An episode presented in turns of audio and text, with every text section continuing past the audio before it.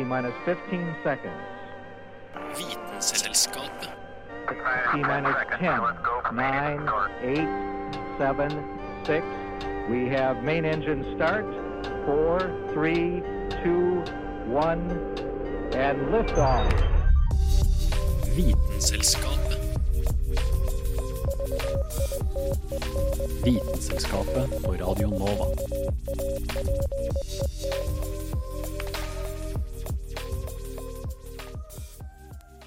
Hei, og hjertelig velkommen til nok ei sending av Vitenselskapet. Og i dag så er det skumle nyheter. Himmelen faller. Nei da, det er ikke bokstavelig, men i dag så skal vi prate om det meste mellom himmel og jord, og da for det meste oppe i himmelen. Og kanskje hva slags farer som lurer seg der oppe. Jeg har med meg Anna Vik Rødseth og Julianne Li Fjell i studio. Si hei. Hallo. Hei, hei. Og så har vi i tillegg noe innslag fra noen nye medlemmer. Så i dag er ei spennende sending å få med seg. Det er bare å lytte godt etter.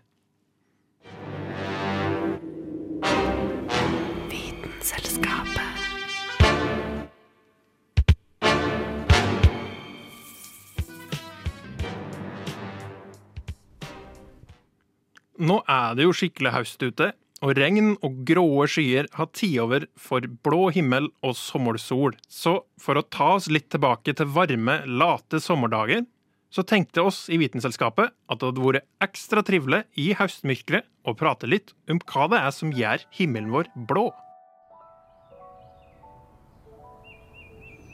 Før vi kommer oss til hva eksakt det er som gjør himmelen blå, så tenker jeg det kan være greit med en liten oppfriskning fra naturfagen om hva vår kjære atmosfære består av, og hva hvitt lys er. Atmosfæren vår består av rundt 78% nitrogen, rundt 20% oksygen, og resten er av diverse andre gasser. Mikset inn blant denne gassen finner vi partikler som pollen, støv, sand fra sandstormer, forurensning og smog.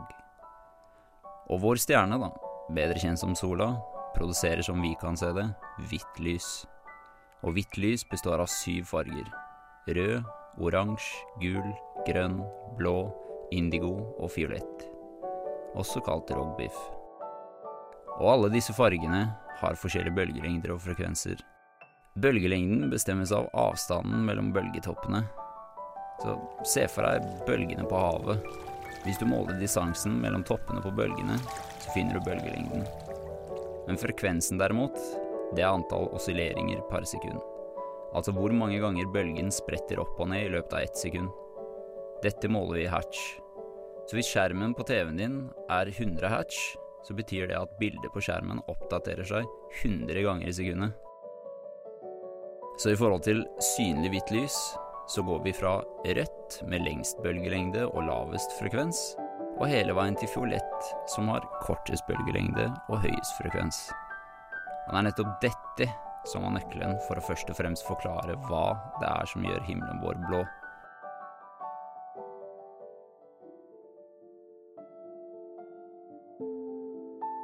Det er nemlig slik at de partiklene vi har i vår atmosfære, tilfeldigvis er på samme størrelse som bølgelengden for blått lys.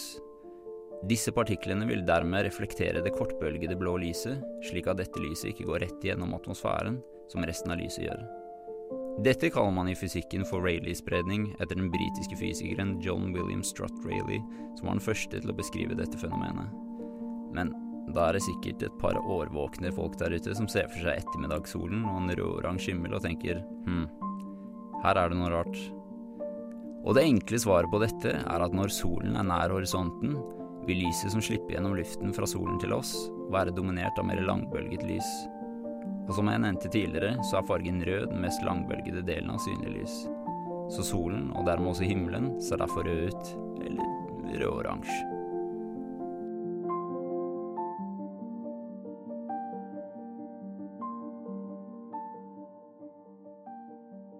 Og denne saken ble logget av Kristoffer Ramage, ett av våre nye medlemmer.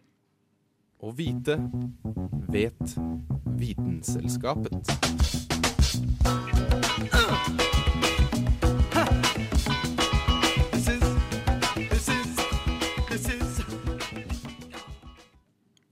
Eh, ja, da skal vi prate litt da om himmelen. Eh, og eh, hva den finner opp i himmelen. Fly, satellitter kanskje. Men skyer er jo en klassisk ting der oppe i det blå. Eh, og da er det en spesifikk type skyer som jeg har lyst til å fortelle dere litt om. Nemlig perlemorsskyer. Har dere hørt om den en gang? Ja, jeg har hørt om det. Jeg har også hørt om det. Det er der vi får eh, perler fra, ikke sant? De regner ned fra perlemorsskyene. Nei, ikke, ikke helt. Men eh, de ser kanskje litt ut som perler. For de er, de er jo nemlig ganske så runde, eller linseforma. Eh, og så i tillegg så har de det med å få veldig fine farger i solnedgangen. Eh, så hvis du ser veldig pene skyer på vinteren, så er det kanskje perlemorskyer. Eh, og eh, perlemorskyer er da polarstratosfæriske skyer.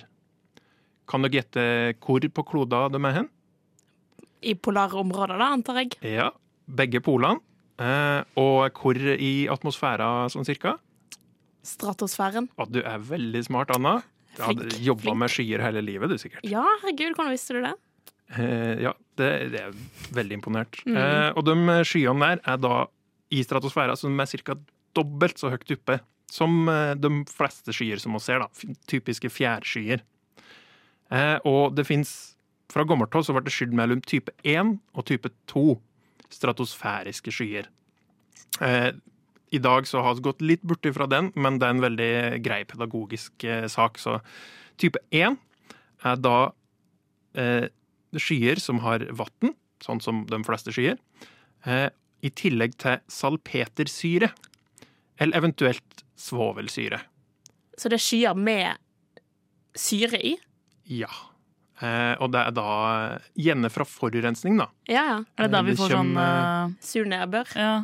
Eh, ja, blant annet. Men mm. de her er ikke kjent for å eh, regne så mye, da, for de er så langt oppe. Mm. Eh, og de er jo i tillegg nesten bare på polene, eh, eller rundt polene, eh, så det er ikke så befolkningstett. Men eh, problematisk er det. Det kommer vi tilbake til. Så det, det er den utrivelige typen som er med syre i. Den andre typen er mye koseligere. Den er definert ved at den er logga hovedsakelig av is. For da er det kaldt nok i de skyene til at eh, partiklene blir til fast form, eh, da vann, is. Eh, og det er det som vi tenker på som den klassiske perlemorskya. Fordi at det er is, så blir jo sola brutt gjennom de skyene, og får da Det ser ut som skya har ei farge. Ah. Det er jo da egentlig bare sola som gjør det, da. Men de typen skyer her, de oppstår jo gjerne veldig langt opp i atmosfæra, for det må være så kaldt for at det skal bli is. Så da gjerne, hvis det er sterk vind over et fjell, da kan det oppstå perlemorsky. Eh, Så må det i tillegg være ganske langt nord eller sør på kloden, da. Det skjer ikke på ekvator, sjøl om det kanskje er veldig høye fjell der. Men kan vi få det i Norge? Eh, ja, det, du kan jo eh, se dem iblant. De er ikke så ofte. Det er best sjanse på Antarktis, men eh, det er jo litt langt å reise, da. Eh, og det, er, det jeg mente med at det skillet er litt utdatert, er at du kan òg finne sånn type salpetersyre og svovelsyre i klassiske isperlemorskyer, men det er hovedsakelig der det er vann at det er et problem. Eh, og klarer dere å tenke dere hvorfor det er et problem? På, rundt polene så eh, er det et oppstått hull, historisk sett. Og hvor har det vært hull? hen? I atmosfæren? Eh, ja, i ozonlaget. Ja, ja. ja. Helt riktig. Mm. Eh, fordi de syrene her, da, de tar og støtter kjemiske prosesser som kanskje oppstår i begrensa grad naturlig, men gjør at eh, du får frigjort, klor, eh, som da er veldig reaktivt, reaktivt i sin rene form. Eh, og da vil jo ozonmolekylene, O3, som Mm. er et veldig spesielt molekyl i seg sjøl, brytes opp. Eh, og som kjent så er det jo rundt polene at eh, hullet i ozonlaget er det største problemet. Mm. Og det er jo nettopp fordi disse skyene de er hovedsakelig rundt polene. Det er litt rart å ha sånne skyer som også er med på å bryte ned ozonlaget. Like over, eller under. Jeg vet ikke hvor stratosfæren er. Det er bare ekstra dumt, i hvert fall. Ja, Ja, det er veldig uheldig. Og litt dårlig designa, syns jeg. ja det, er jeg- det enig i. Eh, ja. Og det er jo trist at eh, noen av de fineste skyene, det er noen verstinger òg. Ja. Men heldigvis så går det jo tilsynelatende riktig vei med ozonlaget. Så himmelen den detter ikke sånn helt enda. Hæla i taket med Vitenselskapet.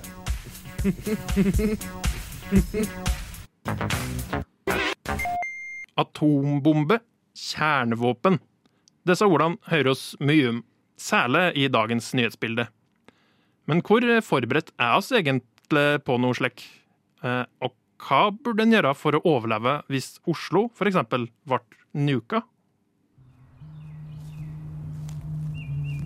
Se for deg en fin høstkveld. Sola er på vei ned og maler himmelen med sine nydelige nyanser av rød. Overalt står trærne stolte med alle mulige høstfarger på utstilling. Du og noen venner tok dere en liten tur utenfor Oslo. Dere skulle ha tatt bussen tilbake for over en halvtime siden, men selvfølgelig måtte dere ta noen bilder for Insta mens det er golden hour. Plutselig lyser himmelen opp, og før noen rekker å engang prosessere hva som skjer, blir lysglimtet så enorm at dere alle blir blind i noen sekunder. På engelsk kalles dette flash blindness. Nøytronstråling og gammastråling kommer med lysets hastighet, og du vil derfor se det sterke lyset lenge før du hører eller merker noe som helst. Etter dette vil det være et kort øyeblikk hvor det tilsynelatende ikke skjer noe. Men det som kommer, vil være mye verre enn midlertidig blindhet. Før vi går videre, så må det være sagt at man kan ikke si med sikkerhet akkurat hva som skjer etter en atomeksplosjon i Oslo. Mye av det er avhengig av ulike faktorer, som været, størrelsen på bomben, om den blir detonert i lufta eller på bakken. Men la oss si, i denne hypotetiske situasjonen, at en atombombe på én megatonn blir sluppet over Oslo sentrum, og eksplosjonen skjer ved sammenstøtet med bakken. Vi kan da estimere at alt innenfor 1,3 km radius av eksplosjonen vil umiddelbart bli utslettet. Bygninger, steiner, metall, mennesker alt vil bli fordampet. Selv 10 km unna vil du oppleve at sjokkbølgen river ned hus og trær. Men det er ikke det verste. Så lenge du er innenfor 11 km radius, vil du garantert få tredjegradsforbrenning av varmestrålingen. Brannskadene er så dype at det kan hende du trenger amputasjon. På den positive siden vil du ikke kjenne mye smerte, da, siden det er mye av nervene dine som er ødelagt. For å ha større sjanse for overlevelse må du derfor være minst 12 km unna Oslo sentrum. Rent fysisk betyr det at du må være i f.eks. Sandvika eller ved Akershus sykehus. La oss si at du og dine venner er 15 km unna. Det er for tidlig å trekke et pust av lettelse, for dere er ikke trygge ennå. I løpet av noen minutter vil det være radioaktiv nedfall som er ekstremt helsefarlig. Du og vennene dine må nå finne ly i nærmeste bygning, helst en med betong eller murvegger for å få god beskyttelse mot radiasjon. Ok, så du har kommet deg inn i en bygning. Hva er det neste du bør gjøre nå? Og nei, det er ikke å ta fram bilde av crushen din og gråte over forholdet som kommer aldri til å bli. Kanskje senere, men ikke mens det er andre mer tidssensitive oppgaver å gjøre. Det første du bør gjøre, er å ta av klærne. Ja, du hørte riktig. Men før du blir gira, så er det bare klær som har vært eksponert til radiasjon som du skal ta av. Det vil si yttertøy og slikt. De klærne må da bli forseglet på en eller annen vis og holdes langt unna dere. Rett etter bør du vaske eller tørke ubeskyttet hud. Du og vennene dine burde så holde dere i kjelleren av bygningen. Hvis det er ingen kjeller, så er det anbefalt å holde seg midt i bygningen, langt unna vegger. Lukk alle dører, vinduer og steng av ventilasjoner. Det er også lurt at dere holder dere minst to meter unna andre mennesker som har søkt ly i samme bygg, for å unngå kontaminering. Dette er vi nordmenn allerede flinke på fra før av, siden vi er ikke glad i fremmede med mindre vi er på tur. Så hva skjer nå? Da er det bare å holde seg inne i minst 24 timer. Mat og drikke som er forseglet inne i bygningen vil være trygt å spise. Nå er det bare å vente på beskjeder fra myndigheten om hva dere burde gjøre videre. Så gratulerer, du overlevde en hypotetisk atomeksplosjon. Vi får håpe at dette kommer aldri til å skje, men om det skulle så hende, så er du i alle fall litt grann forberedt. Denne saken var logget av Kimmi Le.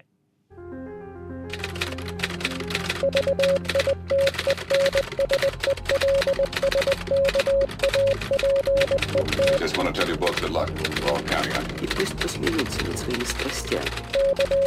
Ведь то, что они называют страстью, на самом деле не душевное, это Vitenselskapet а лишь трение между душой и внешним миром. knekker vitenskapens koder. Good job. Så skal vi over til en mer bokstavelig tolkning av 'himmelen faller'. Fordi, Anna, det er jo nemlig sånn at eh, det er ting som ramler ned fra himmelen en gang iblant. Ja, det stemmer. Eh, Det finnes jo noe, eller et slags fenomen, hvis det er det vi skal kalle det for, jeg vet ikke. Eh, Men noe som kalles for meteorregn, eller meteorsverm. Jeg vet ikke om dere har hørt om det før, egentlig? Jo, det har jeg alltid hatt veldig lyst til å sett. Ja, fordi det ser egentlig ganske spektakulært ut. Det er egentlig på en måte som et uh, stjerneskudd, men at det skjer mange stjerneskudd på kort tid. Ja, for det ser litt ut som det er stjerner som regner ned. Ja, bare at det er meteorer, og ikke faktisk en stjerne som dør, som, det, som et stjerneskudd faktisk er, da. Men um, dette her er jo da ehm, som sagt meteorer, som da er ikke stjerner, men det er på en måte små sandkorn som kommer inn i atmosfæren. Eh, og siden de kommer med høy fart og kommer inn i atmosfæren, så brenner de opp, og da vil vi da se det som et slags lysglimt. Så de er egentlig bitte, bitte små? De er bitte, bitte små, og de fleste av disse brenner jo opp i atmosfæren og kommer aldri til å lande på jorden vår. Så det er på en måte bare en ja, et flash av et uh, lys, rett og slett. Litt som et fyrverkeri, egentlig. Litt som et fyrverkeri, rett og slett. Men dette meteorregnet, eller svermen, kommer av at uh, planeten vår, eller en annen planet, da, uh, på en måte interagerer med en komethale. Og en komet er jo da en klump av ulike bergarter eller is, og også ulike frosne gasser, sånn som CO2 og metan. Um, og sånne kometer beskrives ofte som en skitten snøball. Og når da denne her snøballen kommer i fart, som den jo gjør, siden den går i bane rundt sola de også, så vil den legge fra seg litt av innholdet sitt bak seg. Og da får den en sånn hale. Så når da vår jord går også i bane rundt sola, men da på en måte um, går inn i denne skyen til kometen, da får vi da disse svermene med komet, kometsverm. For da vil alle disse sand- og avfallsstoffene til kometen i halen sin komme inn i atmosfæren vår, brenne, og da vil vi se masse lysglimt på himmelen. Så eh, Og jeg visste ikke om dette her, at, eh, men det finnes Altså, det er ganske vanlig, og vi har, noe, vi har periodiske øh, meteorsvermer. Og neste sverm skjer bare om eh, et par uker. Eh, ja, ja. Og den piker Eller du skal tydeligvis se mest lysglimt rundt hva var det da, 22. oktober i Oslo, i hvert fall. Så hvis du eh, drar ut i, rundt i skogen, iallfall et sted der det er veldig mørkt og ikke får lys fra byen, så kan du faktisk se eh, meteorsvermen som heter eh, ori orionidebe. Og navnet Orion Idene det kommer jo da fra eh, stjernebildet Orion. Fordi det kan se ut som at på en måte starten av disse lysglimtene eh, begynner i nærheten av stjernebildet Orion. Så det kan se ut som Orion bare faller ned? Eh, eller bare at Orion eh, klikker, fordi det bare kommer masse lysglimt ut fra beltene eller et eller annet. Så jeg vet ikke, jeg håper iallfall det er det som skjer. Og Kan man se det hele dagen, eller er det bare på natta? Det må jo helst være mørkt. Ja. Eh, og ja, så eh, natten. Det vil pike rundt 10-11-tiden eh, på kvelden. Skal det da. Og da kan du se opp til 20-30 lysglimt, altså på en måte stjerneskudd, eh, i timen. Oi. Så eh, hvis dere vil se det, hvis dere er i Oslo-området, eller sikkert også andre steder i Norge også, eh, drar i skogen den 22. oktober, så skal himmelen eh, Det skal regne eh, lys over himmelen Som jeg tror Det høres veldig fint ut. Det høres ut som disko utendørs. Ja. Det gjør det. Mm. Da har vi en eh, grunn til å glede, seg, glede oss over eh, høstmørket når det kommer turene inn. Mhm. eh, og så trenger vi ikke være redd sjøl om himmelen ramler. Oh, it's fun. I mean, the natural world is just fun. Du hører på Vitenselskapet på Radio Nova.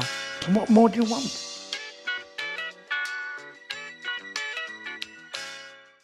Og i himmelen så er det jo ikke bare skyer og meteorer. Det fins jo levende ting der òg, og det er hovedsakelig fugler som må kjenne dem. Og det fins mye forskjellige fugler, og nå skal vi få høre om en skikkelig rar fugl.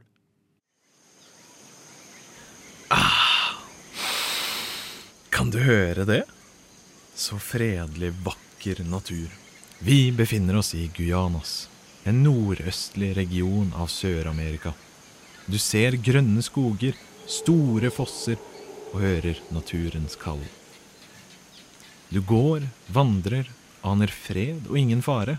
Helt til blåser ut trommene dine med permanent skade og et mildt tilfelle tinnitus! Denne sirenelignende lyden ble skreket av ingen andre enn pendelklokkefuglen. Denne hvite lille krabaten kan bli 28 cm lang og ser ellers ut som en ganske ordinær fugl. Utenom det at den har en slags dinglende kjøttsnor på siden av nebbet. Og hva denne her brukes til? Jo, litt sånn som hunder, så kan ikke fugler svette. Så isteden så har den kjøttsnoren til å avgi overflødig varme. Utover hvor gøy det er å snakke om en kjøttsnor, så er det pendelklokkefuglen mest kjent for, er at den kan produsere et paringsrop på opptil 125 desibel. Til å sammenligne er dette her høyere enn en jetturbin. Og bare 5 desibel unna smerteterskelen. Tilsvarende å stå inntil et artilleri på full guffe. Dette paringsropet gjør den ved å sluke så mye luften kan, og litt som en påkjørt sekkepipe på motorvei, utløser den all luften på en gang i ett høyt rop. Selve sangen blir mer enn gjerne fremført på 1 til 3 meters avstand mellom han og hun, selv om det kan skade hundens hørsel. Hannen slipper ut noen forsiktige kall for å lokke inn en partner, og når da en hunnfugl har satt seg på samme gren, snur han seg brått og skriker henne rett i fleisen. Man vet ikke 100% om grunnen til at de fremfører på så nært hold er fordi at de tiltrekkes av selve volumet, eller om de flyr nærmere for å kunne bedre sjekke ut en partner. Men selv om dette fungerer veldig bra for pendelklokkefuglen, vil jeg sterkt frarådet å legge dette her til listen over egne sjekketriks. Og denne saken var logget av Daniel Restad. Vitenselskapet. Vitenselskapet på Radio Nova.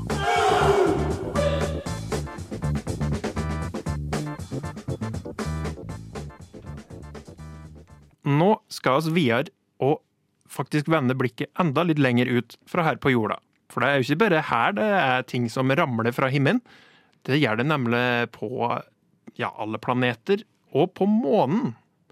Eh, og Julianne, kan du fortelle meg noe om hva som ramler på månen? Eh, ja, det er jo eh, små menn fra jorda, blant annet. Begynner å bli en stund. Ja. altså I forhold til månens størrelse så er de jo ganske små. Men ellers så er det jo også uh, meteorer og kometer som krasjer i månen. Uh, og lager masse sånne store kratere, som dere sikkert har sett på bilder av månen. At det er masse runde på en måte, flekker. Ja, for det ser ut som en liten ost. Ja! Og da kan du tenke deg, hvorfor ser vi ikke de på jorda? Liksom? Hvorfor er de så synlige på månen, men ikke her? Har dere noen uh, ideer om det? Uh, jeg tenker, Månen ser jo litt mer, mer ensfarget ut, da. Så jeg vet ikke hvorfor det, vi ser de eller ikke ser de. Altså, du er jo, du er jo litt inne på noe. Um, det er jo litt fordi Hva er det spesifikt vi vet om som jorden har, som ikke månen har? Atmosfære? Blant annet. En, da, da en himmel, da, for eksempel. Ja, mm. eh, og vær, da. Det kommer Ja, det kommer jo med en eh, atmosfære, for så vidt. Men de har heller ikke vann. Eller de, sier jeg, som det er en koloni der. Eh, og de har heller ikke um, tektonisk aktivitet, altså plater som beveger på seg. Og alle disse tre tingene eh, fører til noe vi kaller for forvitring, eller erosjon. Som altså, så klart, Vi har jo meteorer eh, og kometer som er landa på jorda. Det vet vi jo vet at dinosaurene, blant annet, noen av de ble utrydda pga. kometer. Det er store kratere man finner rundt omkring. Men mange av disse kraterene, sånn som de som utrydda noen av dinosaurene, fant man ikke på kjempelenge. Fordi de var så store, og de hadde vokst over med masse planter at man bare trodde det var en dal eller noe. ikke sant? Så det er jo, altså, vi har det jo på, på samme måte, det er bare at de er ikke så synlig, fordi vi har alle disse andre tingene Mm. som uh, følger rundt oss. Men når vi først snakker om månen, så syns jeg det er litt spennende å snakke om hvordan, altså, hvor månen kom fra i det hele tatt. Har dere, har dere noen peiling der, da? Hvordan den kom fra? Ja, hvor, liksom, hvor ja. Det var jo Big Bang, da, antar jeg. Og uh, ble slengt ut masse steiner eh, rundt omkring. Så. Altså, for så vidt er det jo ikke helt feil å si det heller. Nei. Det er vel alltid riktig svar. Hvis noen spør deg hvor er det fra, så sier du Big Bang. Ja, Ja. Hvorfor, Og så skjedde noe greier etterpå. Hvorfor har du Mm. ikke gjort oppvasken? Big Bang. Big Bang. Alltid svaret. Mm. Men uh, litt senere enn Big Bang, sånn uh, ca.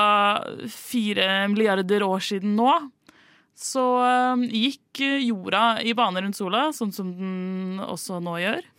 Men den var ikke helt som den var i dag. Så kom det en liten eh, venn på tur, som het eh, Eller man kaller den for Theia. Det var en annen planet på størrelse med rundt uh, Mars som krasja i jorda, og så smelta de på en måte sammen, Theia og jorda.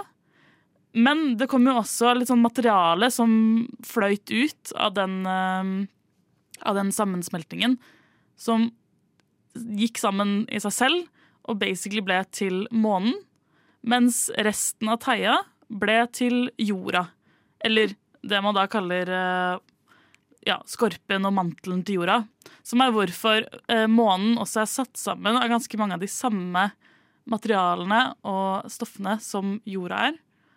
Eh, og det kan også forklare hvorfor vi har en relativt stor mantel eh, på jorda, og kjerne for så vidt, i forhold til størrelsen på, eh, på planeten. Det var nytt for meg. Veldig interessante greier. Eh, Ja. Så det er egentlig en tvillingplanet vi bor på. Basically. To som bare har ja, mm. fusa sammen. Pluss en, en liten bakdel på månen. Ja. Som henger igjen. Blindtarmen. Ja. månen er basically blindtarmen til jorda. Men den eh, skal vi være veldig glad for, da, for vi hadde ikke hatt tidevann, eksempel. Eh, Så månen gjør oss mye godt, og jeg håper virkelig at den ikke bestemmer seg for å krasje inn i oss på nytt. Tusen takk, Juliane.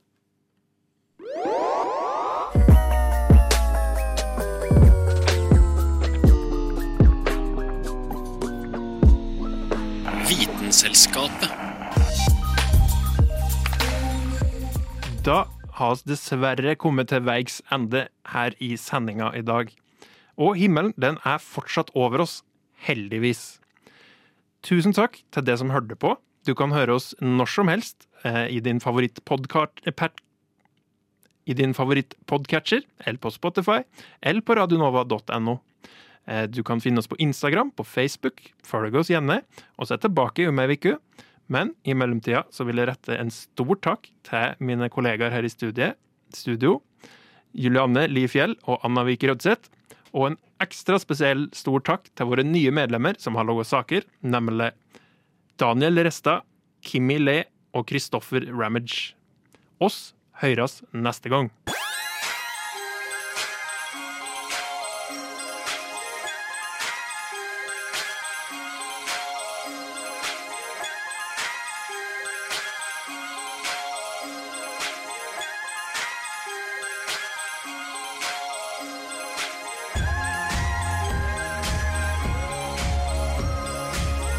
Siden 1982 har Radionova gitt deg favorittmusikken din. Før du visste at du likte den.